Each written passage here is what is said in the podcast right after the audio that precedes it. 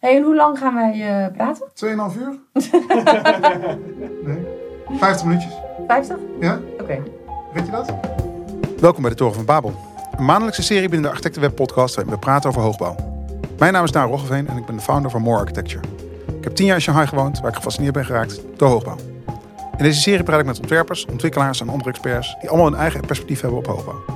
Samen gaan we op zoek naar het antwoord op de vraag: hoe maak je nu een echt goed hoog gebouw?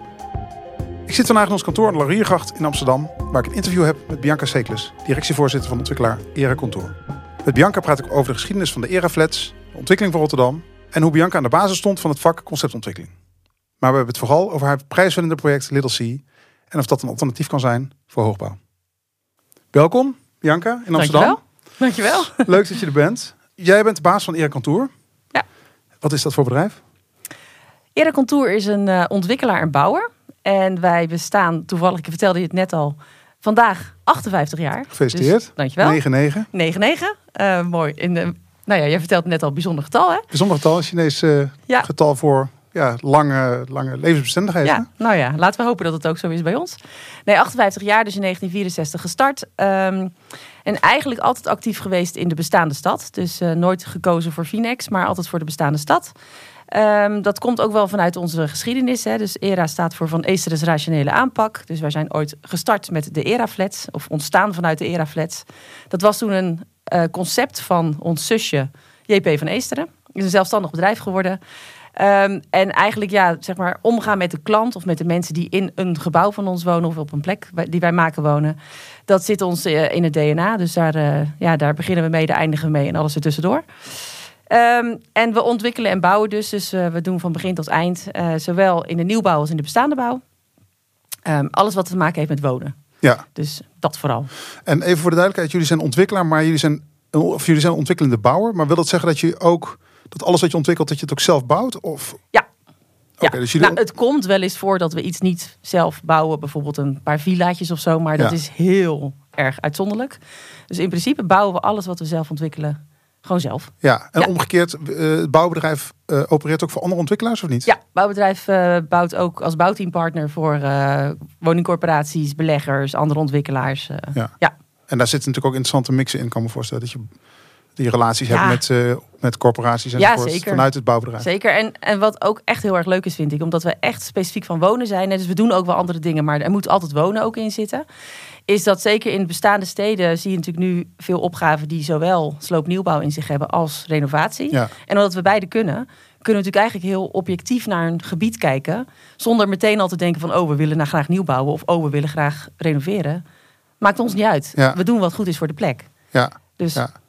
En dan ontwikkel je natuurlijk vanuit het ontwikkelbedrijf zelf het concept voor zo'n plek. Ja, vaak ook natuurlijk met partners. Hè. Dus, Ja. eh, dus wat ons misschien wel iets anders maakt dan andere ontwikkelaars, is dat wij geen eigen gronden hebben.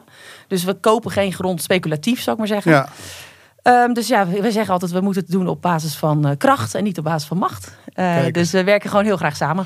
Ja. En wat is de reden dat je niet die grond speculatief inkoopt? Want ik kan me voorstellen dat het soms ook wel goedkoper is of aantrekkelijker. Of misschien... Ja, eigenlijk hebben we dat gewoon ooit dat daarvoor gekozen. En eh, wij zeggen ook altijd, ja, weet je, als je geen, niet genoeg geld hebt, kun je ook niet op vakantie.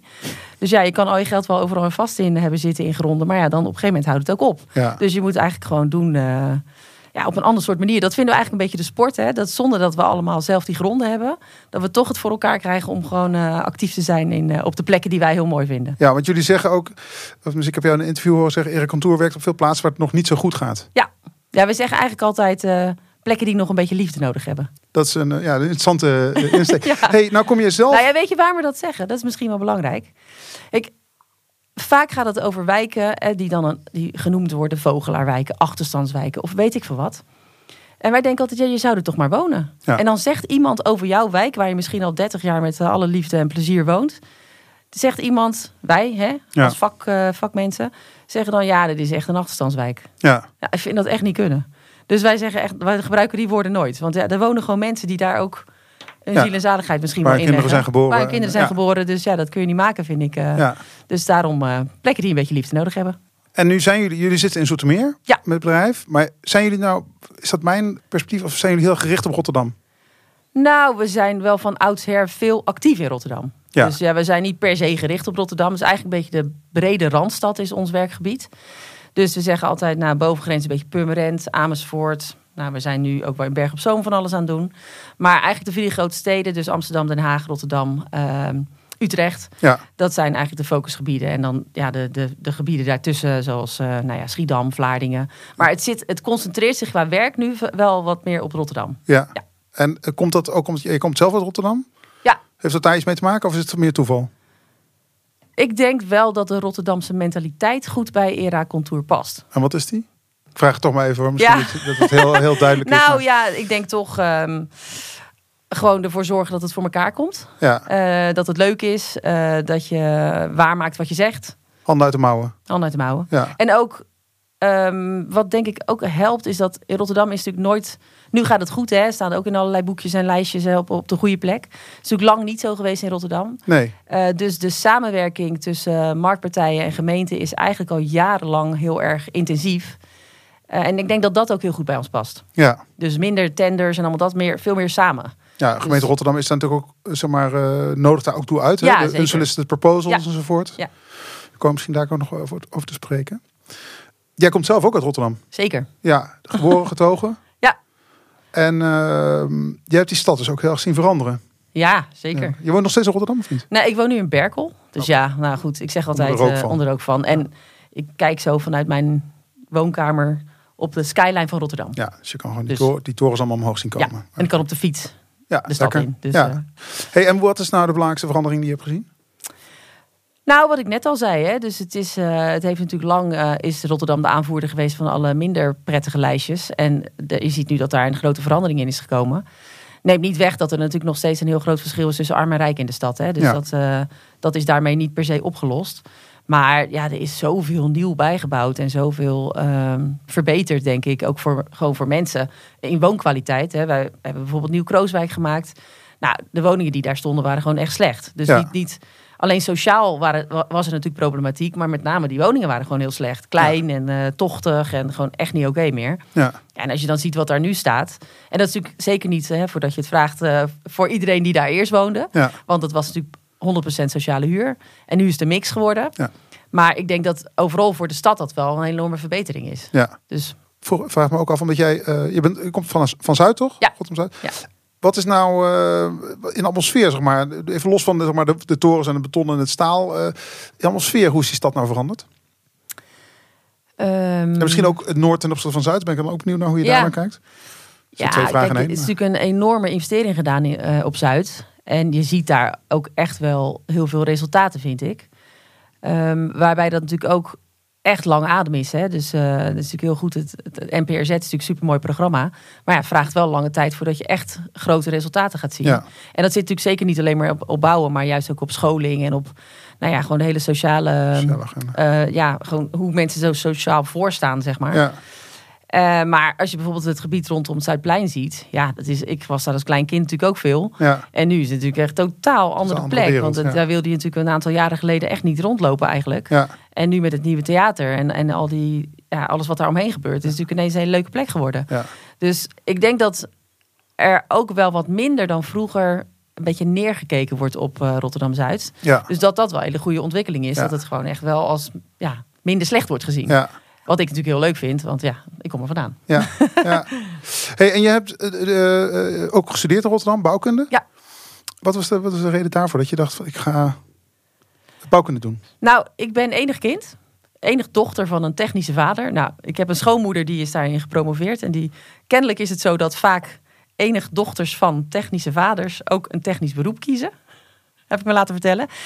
Ehm, nee, ik wilde eigenlijk eh, van alles. Ik, ik zat op het VWO en had wiskunde, natuurkunde, scheikunde, economie en alle talen. Dus dan kun je ongeveer alles Ja. kiezen wat je wil. Dus ik heb ook nog lang getwijfeld over ehm, economie of international business of econometrie zelfs. En mijn vader is werktuigbouwer. Toen dacht ik op een gegeven moment, ja, mm, misschien toch wat meer die kant op. Dus ik ook nog wel bij werktuigbouw geweest. Nou, toen dacht ik, nou, dit is ook niet echt. Ja, ik ben, ik ben gek op van die lopende banden. Want ja, als je als kind altijd in fabrieken komt met Ja. lopende banden, dan gaat dat toch ergens erin zitten. Ehm, maar ik dacht, ja, ik vind tekenen ook heel fijn. Eh, dus ik, zit, ik schilder altijd al en zo. Ja. Dus ik dacht, nou, misschien is dan bouwkunde eigenlijk wel leuk. Ja. Nou, dan zou je zeggen, waarom ga je niet naar de TU?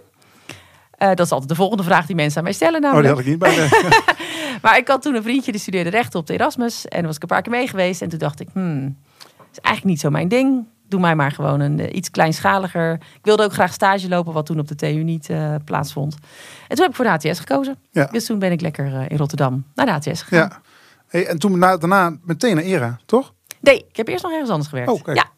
Ik ben na de HTS, ik deed bouwkunde en architectuur. Ja. Studeerde ook af op een moment dat het allemaal heel goed ging in de wereld. Eh, ook weer 7797. Kijk eens. Mogelijk. Ehm, en eh, ik kon eigenlijk op best wel veel plekken terecht. Eh zaten zelfs toen, ja, mijn afstudeerpraatje hield allerlei bedrijven in de zaal. Maar ik heb er toen wederom bewust voor gekozen om bij een wat kleiner bedrijf te beginnen. Box Project heette dat toen. Omdat ik dacht, dan kan ik heel snel heel veel dingen leren. En een beetje proeven aan allerlei verschillende takken van sport. Ja. Ik was wel achtergekomen tijdens mijn eh, twee stageperiodes dat ik eh, ontwikkelaar wilde worden. Ja. Want ik had bij een architect stage gelopen en bij een aannemer. En ik, daartussen, dat was één project, heel mooi, dat sloot mooi op elkaar aan. En daartussendoor zag ik natuurlijk die ontwikkelaar. Ja, En ik dacht, hé, hey, ja. dat is eh, wat ik ga doen. Dat is interessant. En toen ben ik begonnen als kopersbegeleider. Eh, en daarna al heel snel doorgestroomd naar eh, verkoop. Ja, een soort verkoopmanagement, zeg maar. Dus dat stond toen natuurlijk 25 jaar geleden nog in de kinderschoenen. Met websites en eh, Ja, dat ja, soort dingen. ja, ja. En toen ben ik projectontwikkelaar geworden daar. En toen ben ik overgestapt naar ERA na 3,5 jaar. En gebleven. En gebleven. Ja. ja. 22 jaar. Ja. Afgelopen week. Oh, goed. Hey, en ehm jij begon daar aan de conceptkant. Ja. Je was hoofdinitiatief en concept. Ja, was niet gelijk. Toen ik er kwam, toen eh, was er een afdeling marketing en nieuwe projecten. Zo heette dat toen. Wat nu dus de afdeling initiatief en concept is. Ik kwam daar, er zaten twee mensen. eh, nou, die gingen al snel weg om verschillende redenen. Toen zat ik er alleen. Toen heb ik het een tijdje gedaan. Er kwamen en gingen mensen. En dat nou, was een beetje rommelig. En toen zei ik op een gegeven moment tegen de toenmalige directievoorzitter, Co, Co Blok. Ik zeg, hey Co, of we gaan er nou wat van maken, of dit, ik ga iets anders doen. Want dit, is, eh, dit, dit schiet gewoon niet op. Nou, en toen zei hij gelukkig, nou, ga er maar wat van maken. Let's do it. Ja. Ja, en toen heb ik die eh, afdeling omgedoopt naar de, de afdeling initiatief en concept. Want dat vond ik meer de lading dekken. En ik dacht, ja, conceptontwikkeling is eigenlijk wat wij, eh, wat wij nog moeten doen voordat je die projectontwikkeling gaat doen. Hè. Dus Ja. als je echt nog niet weet wat je gaat doen, dus van niets naar iets. Ja. Dat is eigenlijk die conceptontwikkeling die je natuurlijk in andere vakgebieden toen al wel meer zag. Maar eigenlijk in ons vakgebied nog niet zo. En dit was rond het jaar 2000. Ja. Ja. toen bestond dat in de vastgoed natuurlijk nee. eigenlijk niet. Nee, ja, ik ben in 2000 begonnen. Ja. Dus 1 september 2000 ben ik Ja. begonnen. Dus ehm, nee, dat bestond eigenlijk nog niet. Dus eh, samen met mijn collega toen, Irene Ponec, die nu bij Emere werkt, Ja. hadden wij eigenlijk allebei een soort eerste verkenning op het gebied van eh, conceptontwikkeling. Ik deed Le Medi in Rotterdam. En zij deed een project met Piet Boon eh, in, eh in Weidevenne. En nou, toen hebben we eigenlijk een beetje ontdekt hoe dat dan allemaal werkt. En hoe je dat met leefstijlen doet en zo. En een smart agent was toen Ja. natuurlijk ook daar Ja. druk mee. Dus wij zijn dat een beetje gaan ontdekken. Nou, Irene die is op een gegeven moment naar Emere gegaan. En toen heb ik dat zelf eh, verder voortgezet. Ja, en toen was de afdeling initiatief en concept geboren. ja. Ja, En toen ontstond dus het idee om vanuit die klant te gaan ontwikkelen. ja. En eh, kan je daar iets meer over vertellen? Eh, hoe, die, die, je vertelde net al, die klantbenadering staat centraal. Ja. Dat is voor onze architecten misschien... maar de manier waarop de ontwikkelaar daarover nadenkt... is heel anders dan dat veel architecten denken. En, eh, maar er zitten misschien ook wel raakvlakken. Kan je daar iets over vertellen? Nou, kijk, ik denk dat er eigenlijk best wel veel raakvlakken zitten hoor. Want wat wij doen is eh, eigenlijk proberen het ehm, programma van eisen gewoon scherper te krijgen door met de klant te praten. Dus Ja. het is ook nooit bedoeld geweest als een soort marketing eh, dingetje of zo. Ja. Het is echt gewoon, omdat we natuurlijk ook vaak op plekken werken waar een beetje liefde nodig is, is Ja. het niet vanzelfsprekend dat mensen daar zomaar per se willen wonen. Nee.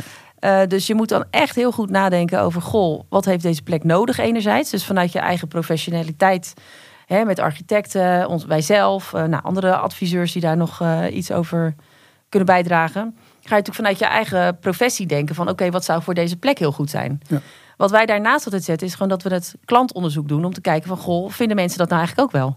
Of Ja. kunnen wij dat lekker vinden met z'n allen, maar er zit Ja. niemand op te wachten. Dus die twee dingen die combineren we eigenlijk met elkaar. Ja. Eh, waarbij die, dat klantdenken natuurlijk, ja, dat is geen, eh, ik zeg altijd, het is geen betonberekening of zo. Hè. Het is natuurlijk ook wel eh, goed doorvragen, goed nadenken wat mensen nou eigenlijk echt bedoelen. Ja. Ehm, ja, en wij hebben natuurlijk al heel snel dat leefstijldenken omarmd. Dus niet meer zoals daarvoor meer gebeurde van hoeveel geld verdien je, wat voor je gezinssamenstelling en hoe oud ben je. Ja. Eh, zijn wij veel meer naar wat voor soort manier van leven heb je. Dus hoe sta je in het leven? En ehm, ja, met welke andere mensen wil je het liefst op een plek wonen? En dat is een beetje los van leeftijd en zo, maar veel meer van ja, wat zijn de kernwaarden die jij uh, belangrijk vindt om te leven? Kan je dat iets verder uitleggen? Want ik, dat uh, ja. ben ik erg benieuwd naar hoe dat precies dan werkt. Nou, wij hebben eigenlijk altijd in het begin met Smart Agents gewerkt. We doen nu werken we ook met Disk Vision. Dat zijn wat meer kleuren. Dus het, het is eigenlijk een soort kleurensysteem. Hè? Ja, de Smart dus, Agents en Disk Vision zijn allebei methodes om ja, die... methodes om die klant in te delen, zou ja, maar zeggen. Ja, Die doel, om die groepen in kaart te brengen. Ja. Nou, wat, wat het makkelijkste is, eigenlijk die, de, hè, de oude Smart Agent manier, zeg maar, heb je gewoon vier kleuren. Want dat is, dat is nou ja, iets makkelijker uit te leggen. Uh, de blauw en de rode uh, leefstijl, die zitten aan de... Die zitten eigenlijk meer aan de, aan de, aan de linkerkant van het spectrum. En de geel en de groen aan de rechterkant. En dan heb je groen en blauw zijn wat meer introvert. En rood en geel zijn extravert. Ja. En dan zijn blauw en rood meer ego-gericht. En groen en geel meer groepsgericht. Ja. Dus um, een blauwe leefstijl en een rode leefstijl kunnen allebei bijvoorbeeld een, uh, weet ik het, een, oude, een sportwagen hebben. Oude sportauto. De blauwe die poetsen hem elke week op. En de rode die rijdt de rallies in. Ja, ja, ja. Om maar eventjes. Ja. Het is een beetje iets te plat, maar, maar ja, ja, ja. Even, uh, dus hoe mensen zich verhouden tot, uh, laten we zeggen, uh, de groep en Ja. tot, uh, tot bezit. Ja, de rode leefstijl, materie, rode leefstijl, leefstijl is ook, uh, dat zijn meestal de meer stedelingen, maar dat zijn ook mensen met heel veel interesses, die ook graag reizen en die dus niet per se al hun geld aan een woning uitgeven. Ja, want dat wil je natuurlijk weten van hoe. Ja. eh, En de gele leefstijl is heel erg gericht op samen. Dus die vinden het leuk om een buurtbarbecue te doen. ja, Dus ja, dan moet je nadenken over, goh, hoe wonen die samen op een gebied? Ja, Eh, dus het kan heel veel input geven, ook juist vind ik op stedenbouwkundig niveau. Dus niet, misschien nog niet eens zozeer op architectonisch niveau, maar meer op stedenbouwkundig niveau over hoe je een plek maakt waar die mensen zich goed tot elkaar kunnen gaan verhouden. wat voor mini-samenleving wordt Ja, dit wat voor eigenlijk? familiesamenleving maak je. Ja, Ja. Of faciliteer je eigenlijk. Ja. En is het dan zo dat je altijd, eh, laten we zeggen, groepspersonen of juist individualisten eh, bij elkaar brengt? Of Nee, dat Hoe- hoeft hoe werkt niet zoiets dan? per se. Want je hebt natuurlijk ook wel grote gebiedsontwikkelingen. Ja, dan kun je natuurlijk niet eh 2000 woningen vullen met één leefstijl. Dat zou Ja. ook een beetje typisch zijn. Want dat is niet zo heel erg inclusief, zullen we maar zeggen. nee, nee, nee. Eh, nee, dat, ja, dat, dat is per locatie ook wel weer heel erg wisselend, vind ik. Ehm, het is wel goed, ook al doe je sociale huurwoningen met eh, middenhuur en eh dure koop door elkaar heen, dat je ook daar wel goed oplet van, hey, Ja. Wat voor soort mensen zijn dit nou? En vinden die het wel fijn om bij elkaar te zijn? Ja. Ehm, maar er is niet echt met een schaatje te knippen, vind ik, hoe je dat nou precies doet. Het is toch wel echt eh, per plek goed nadenken. En ook, wat ik al zei, stedenbouwkundig heel goed nadenken hoe je dat dan dusdanig vormgeeft dat het ja, elkaar altijd versterkt in plaats van in de weg zit. En je zegt dus eigenlijk ook van. ehm, die leefstijlen kunnen dus ook misschien wel veranderen door je leven heen. Als je kinderen hebt of, of dat die kinderen weer het huis uitgaan of niet. Maar goed, je, die identiteit van mensen blijft natuurlijk wel min Ja. of meer hetzelfde. Je blijft wel min of meer hetzelfde, maar je ziet natuurlijk wel ook een beetje vanuit gemak dat als je kinderen krijgt, dat het wel handiger is om in een, op een plek te wonen met andere mensen met kinderen, dichtbij een schooltje. Ja, ja. Dat je ook een beetje dat soort dingen met elkaar kan delen. hè. Ja. Dat je misschien een beetje op elkaars kinderen kan passen. Dat maakt het leven dan toch wel een stuk overzichtelijker. Maar je ziet wel dat mensen die in de basis gewoon knalrood zijn. Ja, als dat dan die fase voorbij is, dat ze dan wel weer teruggaan naar Knalrood meer... is die, die met die sportauto, toch? Ja, maar dan met die auto die gebruikt wordt. Hè? Dus Ja. die wordt niet opgepoetst, maar ja, wordt oh ja, ja, gebruikt. ja, ja, ja, ja. Ja, dus, dat dat- is iemand die is eh, actief en Ja. breed geïnteresseerd. En, Ja, breed geïnteresseerd. Stedelingen zijn het meestal. Dus eh, ja, ego-gericht, extravert. ja. Mensen die naar festivals gaan. ehm, Ja. Nou ja, dat soort Ja. mensen. Hey, en dat is een methode die heb je eh, behoorlijk eh, serieus eh, verfijnd in jullie aanpak Ja. van projectontwikkeling bij Aircontour. Ja. Nou ja, hebben wij niet zelf alleen gedaan. Hè. Er zijn natuurlijk allerlei bureaus die daar heel Nee, veel ik. eh, Maar je bent wel degene hebben. geweest die heeft gezegd van zo gaan wij nu. Ja, eh, wij zijn vanaf begin af aan, eh, geloven wij hierin. Eh Wat heeft dat, Ja. je, gebo- wat heeft je, dat je projecten gebracht? Nou, ik denk dat het, eh, wat het je project echt brengt, is dat het dus heel goed lukt om ook echt de mensen die er gaan wonen heel gelukkig te maken. Ja, Dus ik denk dat er, eh, wat jij net al zei, een soort mini-samenlevingjes ontstaan. Ja, waar het echt eh, heel leuk is. ja. Dus ik noemde net Le Medie al. Ja, ik vind dat altijd heel bijzonder. Het is, eh, vorig jaar zomer was 12,5 jaar geleden dat het opgeleverd is. Bospolder, Tussendijken. Tussendijken. Ja, Geert en Schultze, meen ik. Schultze en eh, samen met Korte Knie en Stoelmacher. Ja. Ehm, maar Geurse Schultze, de hoofdarchitect, zeg maar. En eh superleuk ook, want ja, voor hun was dat toen best ook wel spannend. Hè? Want eh, nou ja, het risico om vanuit de vakwereld toch een beetje als een soort Disney eh, weggezet te worden, was Ja. natuurlijk levensgroot aanwezig. Ja. Daarom hebben we ook eigenlijk gekozen voor Geurse Schultze destijds. Omdat Ja, leg dat even uit op Disney. eh, Nou ja, het is natuurlijk wa- wat mensen snel vinden. Medie is natuurlijk mediterraan. Dus Ja. het heeft een soort mediterraan vleugje, zeg maar. Dus het is een project in de wat kwetsbare wijk in Rotterdam, Ja. denk ik. Ja. Eh, en een soort binnen, rondom een soort binnenhof. Ja, klopt. Maar het heeft een aantal soort van mediterrane elementen Ja, het heeft in grote poorten waardoor je Ja. binnenkomt. Het heeft natuurlijk uh, mozaïek eh, in die poorten, maar ook een eh veranda's, een pe- pergola's, zeg maar. Dus Ja. het uh, gaanderij eigenlijk. Ja. dus het heeft gewoon ja, kenmerken vanuit mediterrane architectuur. Maar dan loop je natuurlijk het risico dat het een beetje...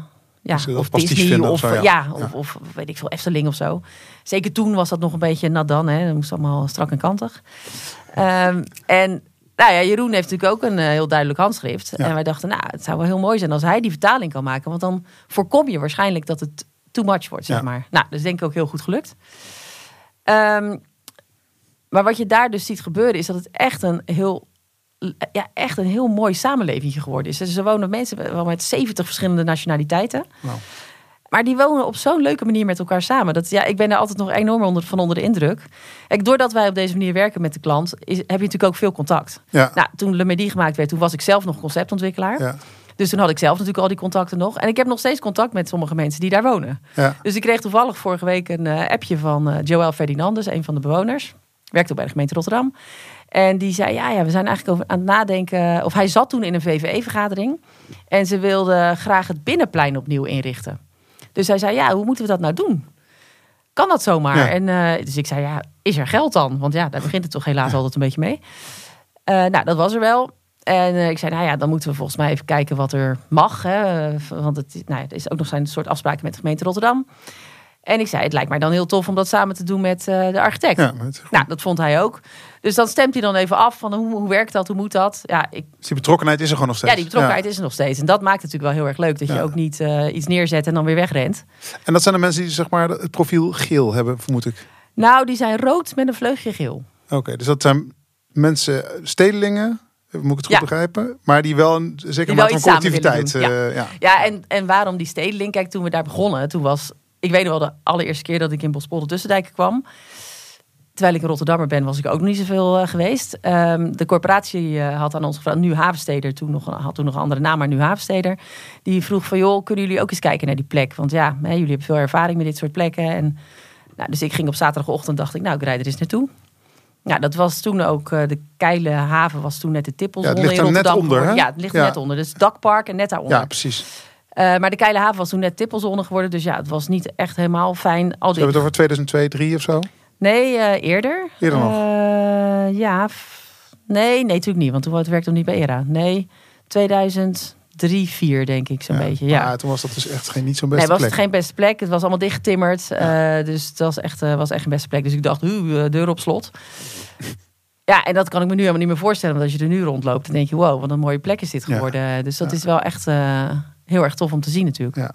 ja, dat is een dramatische verandering. Ja. Ja, Je vertelde net al, ERA is begonnen als bouwer van hoogbouw eigenlijk, Ja. van flats. ja. De geschiedenis van het bedrijf is gewoon ja. huizen stapelen. Ja, dat is heel Ja. apart. Ja. Ja. Nou ja, het is eigenlijk heel grappig ook, want het is ook weer een soort vergelijkbare situatie nu aan de hand. Hè. Dus we zijn in 1964 ontstaan, gewoon vanuit de woningnood. Ja, Dus er was gewoon gebrek aan woningen, betaalbare woningen en ook snel. ja. Dus precies de vraag die er nu voor precies ligt. de vraag die er nu ook is. En Ja. we hebben het nu ook nu allemaal over modulair bouwen en we gaan allemaal fabrieken maken en weet ik het allemaal. Dit is echt het voorbeeld van modulair bouwen. Ja, Want je maakt gewoon een. Het, het casco, het is echt een, dra een scheidingdrager inbouw. Dus het casco is los van het inbouwpakket. ja, Toen al gemaakt, hè? ja. Ehm, ja, wat ik net al zei, ons zusterbedrijf JP van Eesteren, die zag die woningnood en die dacht, hé, hey, ehm, daar moeten we iets mee. En daar is eigenlijk gewoon een apart bedrijf uit voortgekomen. Dus eerst was het gewoon een initiatief van een aantal medewerkers. Dat is uitgegroeid tot een soort concept. En uiteindelijk afgesplitst in een apart bedrijf, omdat dat zo succesvol, Succesvol was, ja. En er was zoveel vraag naar die woningen dat ehm, ja, dat, dat uitgebouwd is. Ja. Nou ja, en het grappige is, we begonnen natuurlijk met van die rechte flats. Nou, toen kwam er een enorme innovatie. Toen hadden we namelijk een knikje erin.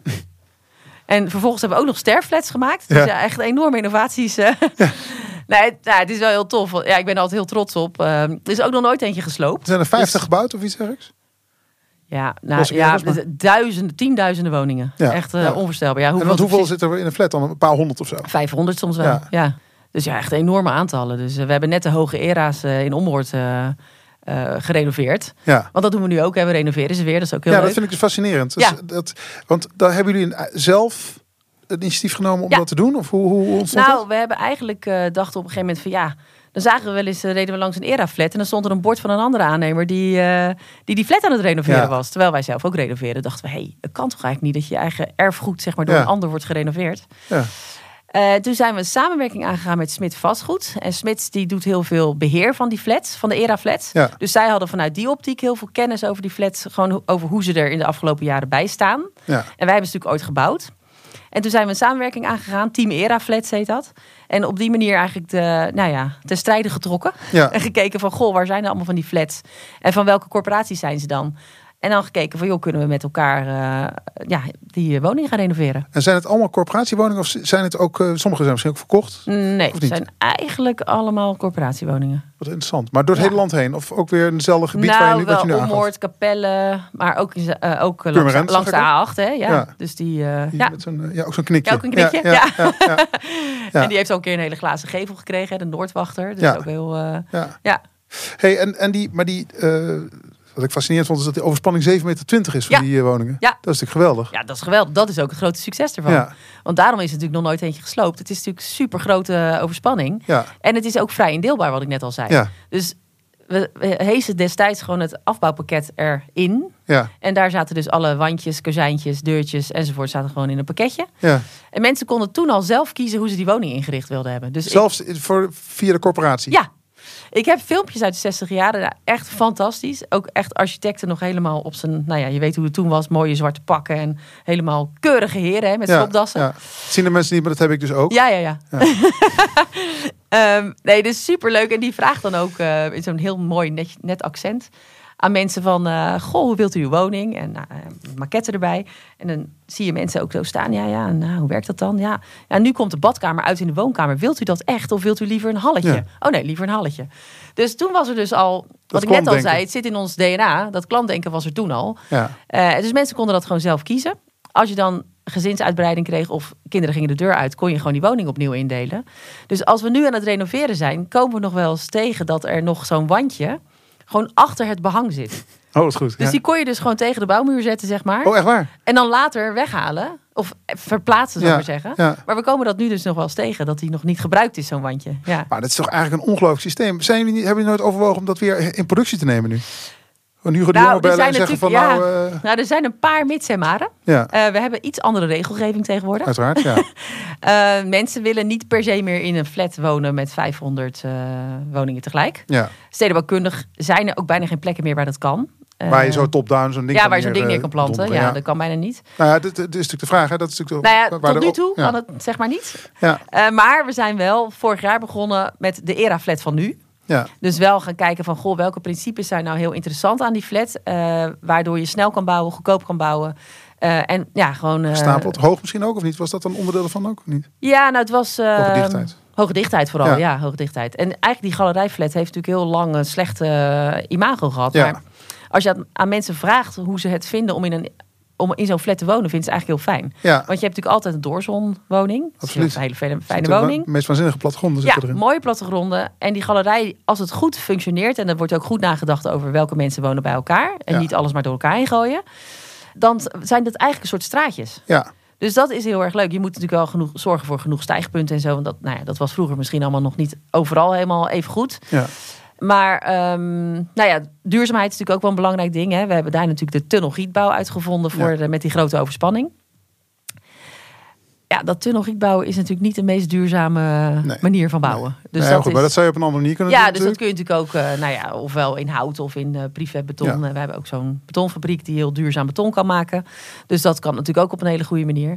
Ja. Dus daar zijn we nu zeker wel mee bezig. Ja, Ja, ontzettend interessant. Ik had eh, begin dit jaar had ik Wouter Veldhuis hier zitten, Ja? stedenbouwkundige Ja. en ook eh, van, eh, lid van het college van Rijksadviseurs. En die maakt een, nou, die weet natuurlijk heel veel van Nieuw-West. Die maakt een zeer grondig pleidooi voor de herwaardering van de, van de galerijflat. Ja. Volkomen terecht wat mij betreft. Maar ik denk, ja, nou, heel goed om te horen. zeker, Want dat is ook in de antwoorden op het, die we moeten vinden op, het, op die woningopgave, is Ja. dat natuurlijk ook een. eh, Nou ja, en wat we, waar we ook wel naar kijken met die era-flat van nu... is je hebt natuurlijk ook heel veel van die portiekflatjes eh, in het land staan... Ja. die eigenlijk, nou ja, aan, ner- niks, aan nergens meer eh, aan voldoen, zeg maar. Ja. Eh, die zijn zo lekker een mandje. eh, je hebt geen, geen lift. het is, nou ja, gek, eigenlijk altijd een beetje gekke plattegronden. Ja. Om te kijken of je zo'n blokje eruit kan halen... en dan gewoon zo'n era-flatje erin kan zetten. Interessant. Ja. Kijk eens, dus een herwaardering van de, van de era-flat. Ja. Wat goed. Ja. Nou komen we, dan zijn we via een- met een aantal omwegen uiteindelijk gekomen bij het, bij het soort van pièce de résistance, Little C. Ja. Eh, de woontorengekte stopt in Rotterdam. Eindelijk, schreef Bernard Hulsman eh, NRC. Een eh, review van 5 mei 2021. Ja. Vijf sterren. Ja, En hij is de campagne aan het voeren. Volgens mij heeft hij al drie stukken over Lil C geschreven al, inmiddels al. Ik weet niet of je het gezien hebt, maar... ja ben je- dat is heel aardig voor ons. Ja, nou ja, het gaat volgens mij niet eens om aardig, maar hij, hij noemt het het wonder van Little C. Ja, Ik lees even voor. Het is niet, niet meer dan een wonder. Eh, de wijk is een radicale breuk met de woontorens die de afgelopen jaar, decennia overal in, Rotter- in de Rotterdamse binnenstad omhoog zijn geschoten. En de komende jaren nog talrijker en hoger zullen worden. Nou, dat, eh, dat kan minder. ja, Toch? Eh, afgelopen week was Hugo de Jonge op bezoek, Ja. zag ik. ja, klopt. Dat is een behoorlijk succes geworden. Die, Zeker. dat had je natuurlijk helemaal voorzien in 2013. Zeker. Ja, Nee, nee. Het is heel grappig, want we hebben deze locatie echt al heel lang. Dus ooit was het eh Stadstimmer in Rotterdam, 30 jaar geleden of zo. En toen zijn er een soort pakketjes zoet en zuur gemaakt. Dus ontwikkelaars kregen, of bouwers toen nog eigenlijk vaak, kregen toen een soort pakketjes van de gemeente van joh, een paar moeilijke locaties en een paar goede locaties. Nou, daar zat ook Little C in, of de locatie Little C. Naast de HTS waar ik zelf ja gestudeerd heb. klopt ja. ja. Eh, was echt wel een hele slechte plek. Dus het was niet echt een zoet, maar meer een zuur. Nou, daarom heeft het waarschijnlijk ook zo lang geduurd. Maar eigenlijk een beetje midden in de crisis, hè, 2013, dachten wij... ja, god, we moeten toch een keertje eh, iets gaan doen hè, met die locatie. plek, ja. We hadden natuurlijk ook niet echt per se heel veel werk toen. Nee. Dus we hadden ook de tijd om daaraan eh, aan te gaan beginnen. Maar dan ga je dus in zo'n periode eh, nadenken over zo'n plek. Ja. Dus ehm, nou ja, wij dachten, ja, als, als je ooit mensen op deze plek wil krijgen, moet je echt iets bijzonders maken. Dus wij hebben een selectie uitgeschreven onder de architecten, samen met de gemeente. Jo Koenen deed mee, West 8 en Kult. Dus Jacob van Ja. Spijker en Cor Geluk. En nou, eigenlijk hadden, kwam Kult met, ja, niet helemaal dit stedenbouwkundig plan, maar wel met die kleine blokjes. ja. Eh, dus dat zeg maar conceptueel leek het erop. Ja. Nou, ik, Cor zegt het altijd. Toen, die presenta- toen zij die presentatie eh, gaven, toen zat Bianca te kwispelen. Eh, ik was meteen helemaal dat ik dacht: oh, dit is echt wat we moeten doen. ja. Maar waar, sloeg je op aan? Wat, wat, wat- waarom dacht je dat? nou, ik dacht, dit is echt iets anders. Dit is ook echt iets eh, waarmee je een verschil kan maken. Want ook toen was er natuurlijk al best wel, waren er heel veel plannen al voor hoogbouw eh, in Rotterdam. Ja. Dit is toch een beetje een soort tussengebied. Hè? Ehm, eh, die hele koolhaven heb je niet per se allemaal van die enorme torens. Ja. Je zit daar bij het, bij het ziekenhuis met hele forse kloeke gebouwen. Ja, precies. Even voor de mensen die Rotterdam niet kennen. We Ja. zitten in, aan de Schravendijkwal, die eigenlijk Noord met Zuid verbindt via de Maastunnel. Ja, Eh vlak bij de Euromast, vlak bij het park. vlakbij het park aan de achterkant van de, van de Erasmus. Ja, Eh, MC, ja. MC, ja. Ja. En ehm, nou ja, aan de voorkant water. Dus het is eigenlijk qua ligging hartstikke mooi. Want je hebt op de zuidkant heb je het eh, water. Ehm, wel een moeilijke locatie ook vanwege, nou ja, gewoon slecht imago. Maar vooral ook die Schravendijkwal. Dat is een monument, maar verzorgt wel heel veel geluid en stank en Ja, en- fijnstof en allerlei andere zooi. Maar wel ook aan de overkant de puntengalen, de sluizen. Dus allemaal wel hele mooie elementen in de omgeving. eigenlijk in de omgeving. Maar hele die- zware infrastructuur eromheen. ja, ja, dus droogleven Fortuinplein, eh hele grote rotonde. Ook Ja. niet eh, het beste... eh, nou ja, als je er niet voor- vandaan ja. komt, snap je niet hoe je eroverheen moet. Ja, ja. dus ja, dat was allemaal best eh, uitdagend natuurlijk. Maar ja, wij dachten... Of eigenlijk toen, jouw- vraag was, wat, wat, waarom vond je dat sloeg toen zo tof? Ja. Nou, ik dacht gewoon, ja, als we dit gaan maken, is echt, eh, dan doe je echt een keer iets heel anders. Wat een ander publiek trekt. En waarmee we het waarschijnlijk voor elkaar krijgen om ook daar mensen eh, te verleiden om te gaan wonen. ja, En, en een heel stuk, bijzonder stukje stad toevoegen. ja. Ja. En hoe zag je dat toen? Want de markt was slecht. Rotterdam was, eh, stond nog niet in de, Nee. in de Lonely Planet. Of in, weet je, in de, alle toeristengidsen. Nee. Waar- hoe zag je toen, zeg maar, hoe kon jij door de tijd heen kijken? Dat is misschien wel de vraag. Ja, niet natuurlijk. Nee, Nee, ik bedoel, als ik dat zou kunnen, dan eh, zou wel heel nou ja, eh, kennelijk wel, zijn. het is dus wel. ja, een, nou, ik denk dat het ook wel te maken heeft met gewoon lef. En iets durven te doen en ook gewoon... ehm, ik denk ook wel dat wat bij ons altijd speelt, is dat we dan ook denken dat we wel echt iets goeds kunnen maken. Waar mensen dan wel op afkomen. Dus ook een soort vertrouwen. Ik denk Ja. dat dat het ook vooral is. Gewoon markt maken eigenlijk. Ja, hè? ja, Eh, dus ja, dat was eigenlijk met Le Medi natuurlijk ook al. Dat ja, ook op die plek waren ook niet die doelgroep die daar woont, die woonde daar echt niet. Dus dan Nee. moest je ook wel iets bijzonders doen. Want dat is interessant. Je, je hebt, we hadden het net over de doelgroep. Uh, jullie doelgroep, de strategie. Welke doelgroep had je in gedachten en hoe betrok je die mensen dan bij die nou, planvorming? Bij Little C was de eerste gedachte heel erg de knalrode leefstijl. Ja, dus zeer stedelijke mensen die op zichzelf gericht zijn. En, ja, en die ook wel een beetje uitdagingen aandurven. Hè. Ja. Die, het hoeft allemaal niet uh, netjes en aangeharkt, maar een beetje stoer en, uh, en ruw is goed. Nou, deze plek was nogal ruw. Um, dus we dachten, nou, het zal wel alleen maar rode leefstijl zijn. Ja. Nou, dan gaan wij gewoon uh, met mensen in gesprek. Dus dat doen we op allerlei manieren. Klantenpanels in dit geval. De machinist aan de overkant, hè, de, die hebben we afgehuurd op een gegeven moment. Want ja, er, waren, er, was gewoon heel veel animo. Dus we hadden een aantal beelden gemaakt op een gegeven moment. En dat een beetje naar buiten gebracht. Ja, en dat sloeg meteen zo aan. Dat we ook echt enorm veel animo hadden heel snel al.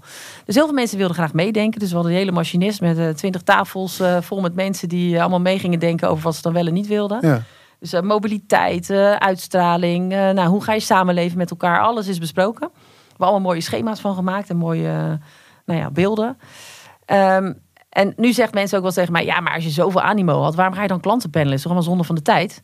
Ja, wij wilden gewoon zorgen dat het echt goed werd. Want Mhm. dat verdient zo'n plek dan ook, hè, dat je echt iets goeds maakt.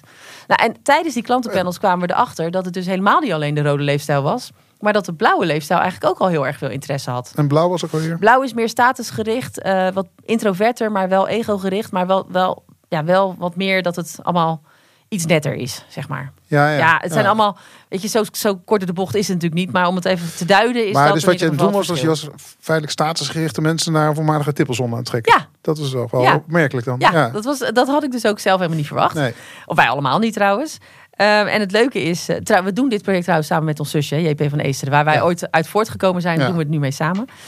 Eh, dus dat is natuurlijk ook heel leuk. Ehm, maar wat we toen gedaan hebben, is eigenlijk heel goed nagedacht over welke leefstijl kun je het best waar eh, een plek geven. Er zijn drie pleintjes in Little C. Ja, Het horecapleintje aan het water, dat is, is echt een publiek plein, hè, Ja. openbaar. ja.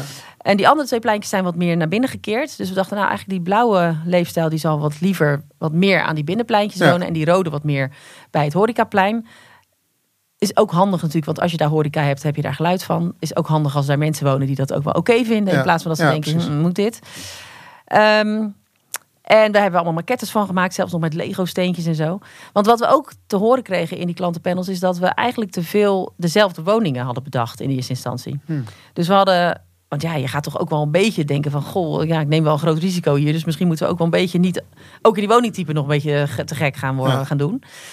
Ehm, dus we hadden veel, ja, zeg maar rond de 70 tot 100 vierkante meter woningen. Nou, dat was niet goed. Die leefstijl was... De leefstijl was heel erg hetzelfde, hè? dat rood-blauwe, paarsige zeg maar.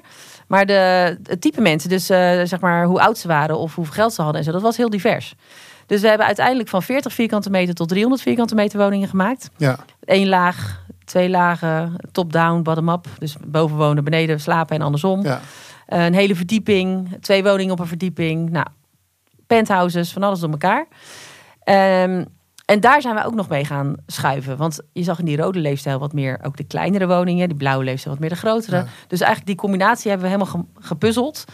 Ehm, en zo te kijken van, goh, welke woning doen we waar? Nou, toen we in verkoop gingen was het ook nog allemaal niet zo halleluja... eh, qua zoals het de afgelopen jaren geweest is. ja. Students 16 of zo ging je verkopen, 17. Ja. Wat nu ook natuurlijk wel weer wat minder zal worden.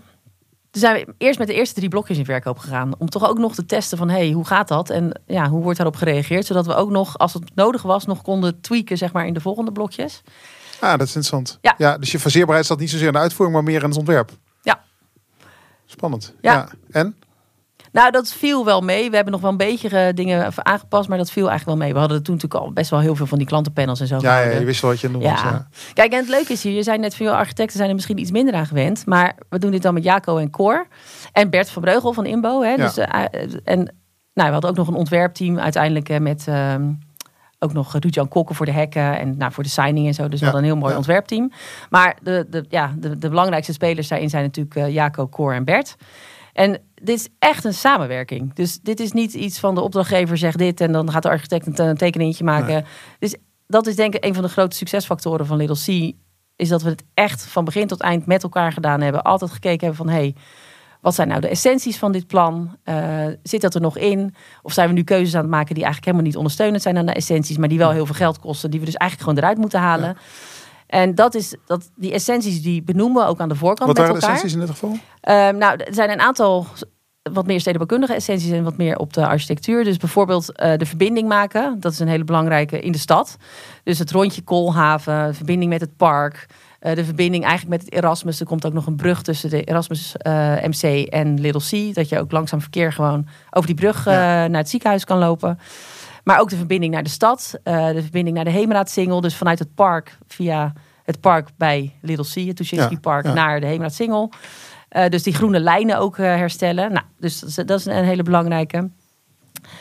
Belangrijk is ook het park. Dus dat we echt gezegd hebben vanaf het begin af aan... nou, het moet niet meer zo'n racebaan voor de deur zijn... maar het moet een park aan het water worden. ja. Een van de weinige plekken in Rotterdam... waar je gewoon naar het water toe kan. Hè? Dus geen harde, hoge kade, maar een taluut naar het water toe. Ja. Ehm, dus nou, dat betekende uiteindelijk dat de tram eruit is gegaan, dat er een aantal rijbanen uitgegaan zijn en dat het hele park opnieuw is ingericht. Wat hebben we nog meer? Eh, ik kan, wat moet ik zo uit mijn hoofd doen ineens? nou, wat we heel belangrijk vinden is eh 15, eh, 15 identiteiten. Dus 15 verschillende persoonlijkheden eigenlijk. Dus de vier grote gebouwen Ja. aan de rand, de A-gebouwen die eh, eigenlijk het geluid eh, buiten, buiten Ja. Little C houden. En dan de blokjes daar, daar binnenin met allemaal een eigen karakter. Ja, en die Ehm, blokjes die hebben natuurlijk een. Dat is misschien wel een van de slimmigheden van het plan. Is natuurlijk dat het relatief kleine blokjes zijn die trappenhuizen delen met elkaar. Ja. Ja, we kwamen natuurlijk op een gegeven moment achter dat... eh, nou ja, die kleine blokjes zijn natuurlijk al eh, niet per se goedkoop. Dat Nee, dacht in ieder geval iedereen. Veel gevel. Veel gevel. Valt uiteindelijk heel erg mee. We, da- ook dat is ook heel grappig. We denken altijd dat dat duur is. Ja. Hè, zo, zo zijn we allemaal opgeleid. Precies. dat kan niet, is duur. Valt reuze mee als je dat op een hele goede manier doet. En wat is dan het geheim? Ja, nou, dat zit in allerlei vormfactoren. Wat voor ramen je erin maakt. En nou ja, hoe je het ook weer aan elkaar koppelt. In dit geval Ja. met die trappenhuizen natuurlijk. Maar uiteindelijk, nou, het is natuurlijk niet spotgoedkoop. Dat zou ik ook niet zeggen. Maar het is ook niet uitzonderlijk duur. Oké. Nou, Ehm, wat betreft die koppeling met die bruggen hebben we eigenlijk gedaan omdat eh, als je keek per blokje, als je daar een trappenhuis in ging maken met zowel liften als eh, trappen, vluchten. Ja. dan had je eigenlijk geen, eh, geen plattegrond meer over. Nee. Dus dat ging zoveel ruimte kosten. Dat we dachten, hé, dat moeten we anders doen. Ja. Eh, we kunnen beter dan die blokjes aan elkaar koppelen. Zodat je dat, kan, ja, dat je dat los van elkaar kan trekken eigenlijk. Dat in één, eh, in één zo'n blokje heb je de liften en in de andere de trappen. Eh, en het, ja, het is ook nog eens heel erg tof. Want daarmee maak je eigenlijk een soort midi-community'tjes weer in Little C. ja, want mensen ontmoeten elkaar op die trappen. Ja. Dus eigenlijk wat je net over die Ja. galerijen zei, dat is Ja. natuurlijk. Ja. Ja. Ja. en het is bijna een soort hotel als je binnen. We hebben daar natuurlijk ook heel erg op ingespeeld aan de binnenkant. Hè? Dus Little C is niet alleen mooi aan de buitenkant, maar ook echt de woningen zijn tof, de, de gangen zijn tof, de, ja, die bruggen zijn natuurlijk geweldig. maar ja. we hebben ook overal een soort lambriseringen, een hele mooie vloerbedekking. En een hele mooie signing, dat je echt Ja. het gevoel krijgt van... goh, ik kom bijna in een hotel binnen. ja. En dan loop je over je eigen brug zo naar je woning. Ja, dat is, dat is echt te gek. En dat zijn middenhuurwoningen en vrij sector. Al die kleine blokjes met die, eh, met die, met die bruggen ertussen, dat zijn allemaal koopwoningen. Allemaal, allemaal Ja, en alle grote gebouwen, zeg maar die aangebouwen, dat is of kantoren. Ja, Of eh, het familiehuis zit er natuurlijk in. ja Daniel Roet, Roet. Ja. Ja. En eh, appartementen voor Bouwinvest. En dat is allemaal grotendeels middenuur. Ja. Ja. Ja, want wat dat betreft is het dus een heel gemengd programma ook in de plint. Tenminste, er zit, wordt ook gewerkt, Ja. er, wordt ook, eh, er zit horeca in. Ja. Geen winkels denk ik, of wel? Misschien één of twee? Eh, nou, niet echt eh, hardcore winkels. Maar wat we daar hebben gedaan, we hadden daar natuurlijk wel, ook daar zijn natuurlijk altijd afspraken over. Dat kennen we allemaal met de gemeente. Dus voor de kantoren moest het in eerste instantie heel erg medisch gerelateerd zijn. Maar in die plinten hebben we er eigenlijk vanaf het begin af aan voor gekozen om een mix te maken tussen woonfuncties in die plint en niet-woonfuncties. Ja. Omdat we dachten, ja, dit moet een gebied worden wat natuurlijk ook s'avonds nog prettig is Ja. eh, om rond te lopen. En als je natuurlijk alleen maar commercieel maakt in de plinten, dan, ja, dan is dat s'avonds meestal eh, gesloten. Ja. Eh, dus dat zie je al gebeuren. Dat aan die pleintjes zie je best wel hele leuke woonplekjes ook ontstaan. Mensen die ook allemaal potten, planten, weet ik het allemaal buiten zetten. Ja. En daarnaast hebben we gewoon heel goed gekeken wat we er wel en niet in wilden hebben. Dus we hebben echt mensen laten soort van solliciteren. Eh, om in die plint een plek te kunnen krijgen. Dus heel- Ondernemers bedoel je? ja, ondernemers. Dus het was Ja. heel grappig, want eh, de makelaars die dachten natuurlijk, eh, wat is dit voor onzin? We gaan toch gewoon, als iemand hier wil zitten, dan gaan we toch gewoon verhuren. Ja. En het liefst, natuurlijk voor de hoogste prijs. Logisch, maar wij zeiden nee. Het succes van Little C hangt ook heel erg samen met wat er op maaiveldniveau gebeurt. Hè, we hebben enorm ons best gedaan om een heel mooi plan te maken met heel mooi groen. Dus dat dat maaiveld ook meteen, ja, als je er rondloopt, dat je meteen denkt, goh, fijne plek. ja. Het is ook heel snel heel groen geworden, vond ik. Ja, ja dat zou ik zo uitleggen. Oké. Ehm, maar dus we hebben echt ervoor gezorgd dat, dat niet zomaar Jan en Alleman erin zou kunnen komen. Dus we hebben echt eh, heel goed eh, ja, een soort programmaatje gemaakt van, eh, nou, waar moet je aan voldoen? En er waren ook echt wel bedrijven die heel graag er wilden komen. En die dan zoiets hadden van, ja, je mag blij zijn dat ik kom. Maar die wilden dan bijvoorbeeld zo'n zo'n ijzeren gordijn, weet je om half zes Ja, ja, ja, deur dicht. Want we hebben dure spullen liggen, dus dat gordijn gaat dicht. Wij zeiden nee, maar we gaan niet als we hier s'avonds rondlopen dat er dan zo'n ijzeren gordijn is. Dus geen rolluiken, nee. Dus verzin maar wat anders. Ja. Wilden dan gelukkig uiteindelijk zo graag daar zitten dat ze iets anders gingen verzinnen. Dus, eh, nee, dus het is heel, heel, heel gemeleerd. Eh, er zit een huis, twee huisartsen in. Eentje boven in de, in de kantoren, maar ook eentje in de plint. Eh, dat is gewoon een behoefte. Ja. Dus er kwam ook vanuit de kopers van... joh, we kunnen echt nergens een, een huisarts vinden. Dus zoek alsjeblieft een huisarts die hier wil zitten. Ja. En die ook op een goede manier hierbij past. Dus nou, die mag ook niet een hele gevel dichtplakken... wat natuurlijk bij de meeste Oké, en ik huisartsen dacht is. misschien in termen van lifestyle dat hij ook rood is. Nee, nou dat hoeft voor mij nog niet zozeer. Maar wel dat hij zich aanpast aan eh, dat het niet gewoon dichtgeplakte ruiten Nee, worden. absoluut. Ja, Ja. ja. Nou. Hugo Borst heeft een eh, ruimte, ook super tof. Ja. Eh, die heeft een soort galerie, annex, plek waar dingen georganiseerd worden. Eh, van hoge tot lage cultuur, zegt hij dan. Van een voetbalwedstrijd tot een ingewikkeld gesprek. Ja, ook heel leuk, kun je ook ruimtes huren. Ehm, de architect is gaan zitten, Cor, met Ja. zijn bureau. Dat is natuurlijk ook heel leuk. Eh, maar ook bewoners die bijvoorbeeld boven wonen en beneden een eh, werkruimte hebben. Eh, er zit een filmstudio in. Nou, ja, echt heel gemeen. ja, en, en, en natuurlijk de horecaplein. We mochten maar beperkte hoeveelheid horeca maken. Vanwege de bestemming? Ja, Van- vanuit bestemming. ja. En eh, uiteindelijk is Old Scuola, de pizzabakkers, zeg maar, die eh, zitten erin. Wat natuurlijk een hele leuke Ja. functie is. Kula, ook heel mooi. Een combinatie tussen eh, ja, eh, gezond eten en eh, yoga. En op de kop van het eh, horecapleintje komt eh Côte du Col, een wijn, eh, Die komt nog. wijnwinkel. Die komt nog, ja. Leuk. Eh, je zei iets, dat groen, dat groenplan was echt Ja. integraal onderdeel ook van Ja. de visie, hè? Van, van, het, eh, van, het, van het voorstel Ja, ook een van de essenties trouwens, ja. Ja. ja. Ja, dat groenplannen hebben we vanaf het begin af aan gezegd. Ja, het is zijn natuurlijk heel stenig. Ja, Eh, dus ja, we dachten... überhaupt in die hele context. Ja, die hele context, ja. Dus eh, we dachten, ja, als je hier toch wel prettig wil wonen, moet je ook gewoon veel groen om je heen hebben. Was eigenlijk nog voordat biodiversiteit inkwam en natuur inclusief. En duurzaamheid was natuurlijk ook nog niet zo'n punt Tien jaar geleden, destijds. of hè. geleden, ja. Ja, dus. ehm, eh, maar uiteindelijk hebben we ervoor gekozen om dus heel veel van dat groen al gewoon in onze planvorming mee te nemen. Dus ook gewoon financieel. Ehm, je ziet al die draden langs de gevels, hè, waardoor dat groen natuurlijk ook heel hoog kan groeien. Allemaal goed nagedacht over welke planten dat wel en niet kunnen. En ook waar ze allemaal staan. Hè. In die smalle steegjes heb je andere planten nodig dan eh, op de pleinen. Ook ervoor gekozen om niet allemaal van die kleine boompjes neer te zetten, maar gewoon eh, stevige bomen meteen. En wat heel erg werkt, denk ik, is dat het een retentiedek is. Dus onder de bestrating liggen van die kratjes, Ja, waar het water in wordt opgevangen. En eh, nou ja, daar wordt de planten gewoon mee water gegeven. ja, zo Dus- werkt het. Ja. Ja, dus ja, daar wordt water opgevangen. En als er dan een grote hoosbui aankomt, wordt het natuurlijk ook weer geleegd. Dan krijgt het systeem een signaal. Ja, losgelaten. Ja, Ja. ja. Dat was voor die, dat was eh, denk ik een van de eerste keer dat het grootschalig werd toegepast. dat denk ik wel, ja. Ja. ja. Maar dat werkt dus als een speer. Ja, ja. nou dat is goed. En nu is het overal, eh, nou ja, niet gemeen goed, maar het, is, het gebeurt heel veel. Ja, natuurlijk. gebeurt heel veel, ja. Ehm, nou, zit er, nou bedoel, er valt, we kunnen volgens mij zo kunnen zo nog een uur doorpraten over het project, en zeker met jouw enthousiasme. De aanleiding voor dit gesprek was natuurlijk, eh Little C wordt op een aantal plekken, en het is niet alleen door Bernard Hulsman, maar door veel meer mensen genoemd als een alternatief voor hoogbouw. Ja. Eh, in hoogbouwstad Rotterdam. Hoe zie je dat zelf? Nou, ik denk dat dat zo is. Ik denk dat het heel interessant is om in je stad na te denken over verschillende soorten eh, manieren van wonen. Want ja, kijk, die echte hoogbouw is niet voor iedereen. Little C is ook niet voor iedereen. Want er zijn ook mensen die het heerlijk vinden. Natuurlijk, hè, de hardcore blauwe leefstijl.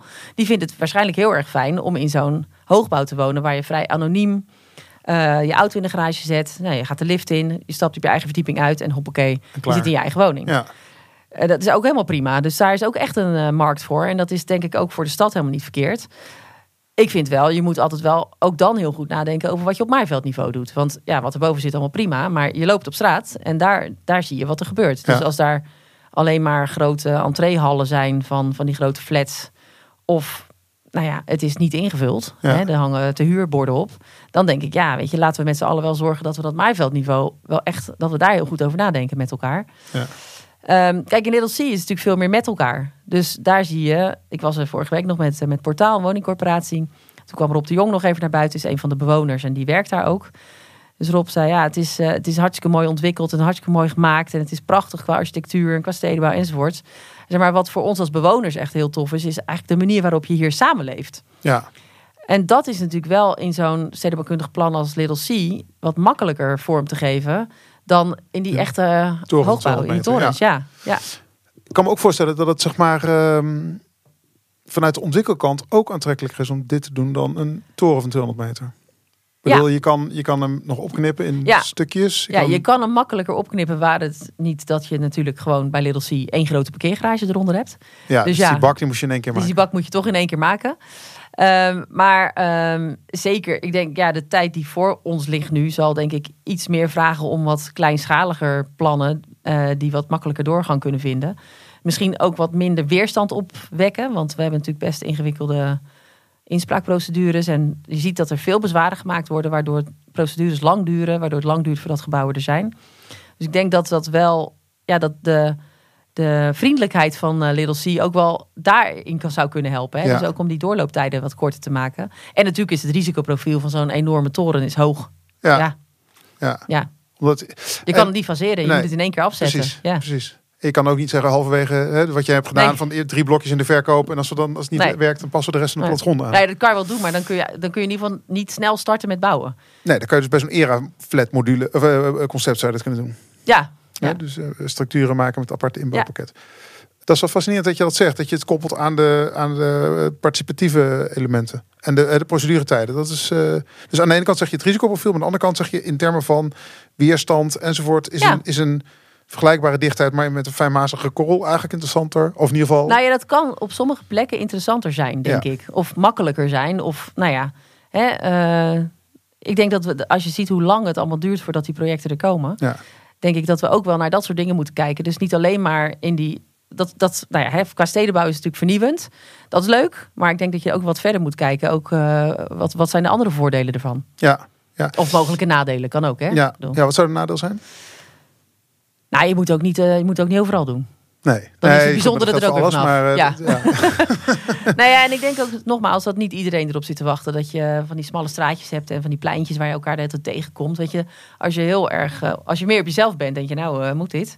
Dan, die, dus beide hebben functie. Dus Maar zowel ja. als de Little C-achtigen hebben. Kijk, wat ik zelf heel leuk vind, is dat we denk ik wat meer elkaar zouden moeten uitdagen om naar andere soorten manieren van hoogbouw te kijken.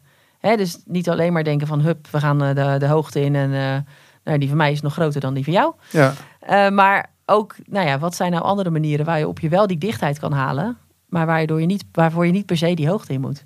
Nou, dat is een duidelijke oproep. Ja, Wij sluiten deze podcast altijd af met een vraag. Namelijk, hoe maak je nou een echt goed hoog gebouw? We hebben het nu natuurlijk gehad over het alternatief voor een heel hoog gebouw. Maar Ja. zou je daar iets over kunnen zeggen? Een algemeen geldende uitspraak. Hoe maak je nou een goed hoog gebouw? een echt hoogbouw. hoogbouw. Nou ja, hoe maak je nou eh, vooral e- echt goed? Ja, ik denk dat je dan toch ehm, na moet denken over een soort buurtjes in zo'n gebouw. Dus ik denk dat bijna iedereen, en even los van leefstijlen, de een meer dan de ander, hè, ik heb net allemaal al 30 keer toegelicht, dat toch in, in basis iedereen het wel fijn vindt om ergens bij te horen. En dat dat niet bij een 500 woningen tegelijk kan zijn, maar dat het toch een beetje een soort buurtjes moeten zijn. Dus ik ben ooit nog een keer bezig geweest in de Belmer of in Amsterdam Zuidoost, met zo'n eh, oude flat daar. God, ik weet niet meer. Ik, ik zit altijd te denken, hoe heette die ook weer, die architect? Ik kan er niet opkomen. Maar die had toen een concept bedacht voor een soort neighborhoods in die. Dat is ook al jaren geleden hoor. En dat vond ik ook echt heel slim. Ik dacht, ja, je moet eigenlijk een soort plekjes maken in zo'n groot gebouw waar mensen zich bij voelen horen. En daar misschien ook dan een soort voorzieningen bij maken. Dus niet alleen maar in de plint per se die voorzieningen maken. Nou, dat zie je natuurlijk al bij die gestapelde stad, zeg maar. Ja. Eh, maar dat je dan ook op, op andere plekken Op hoogte op ook- hoogte. En zeker als je natuurlijk ook nog voor gezinnen dat zou willen doen. Want ja, het is niet alleen maar voor mensen zonder, eh, zonder gezin. Eh, dat je daar ook een soort prettige plekken weet te maken. En je hebt in Rotterdam komt de Maasbode, het gezinsappartement van eh, BPD. Denk een goed voorbeeld. Wij maken in eh, de Binkhorst in eh, Den Haag Link in de Bink. En daar hebben we een soort Ook met Jaco weer? ook met Jaco, ja. En dan maken we een soort pocketparkjes. Ehm, dus we hebben daar een soort binnenwereld met een hele grote vide. Ik denk dat, dat- ja, ik denk dat dat een waanzinnig tof gebouw wordt.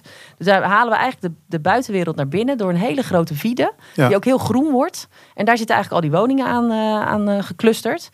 En dan hebben we die pocketparken. Die eigenlijk per, ja, per een aantal verdiepingen zeg maar, een soort parkje geven. En een soort uitzicht naar buiten toe. Eh, en ook een ontmoetingsplek kunnen worden. Ja. En ik denk dat je dan, dan met je gezin ook het leuker vindt om op zo'n soort plek te wonen. Dus ja, toch, toch wat meer dichter bij de mens, zeg maar. En Gemeenschappelijkheid. gemeenschappelijkheid en niet alleen maar glimmende gebouwen. Nou, Die er misschien heel mooi uitzien, maar ja, waar je dan minder leuk in woont. helder. Dankjewel, Bianca. Graag gedaan.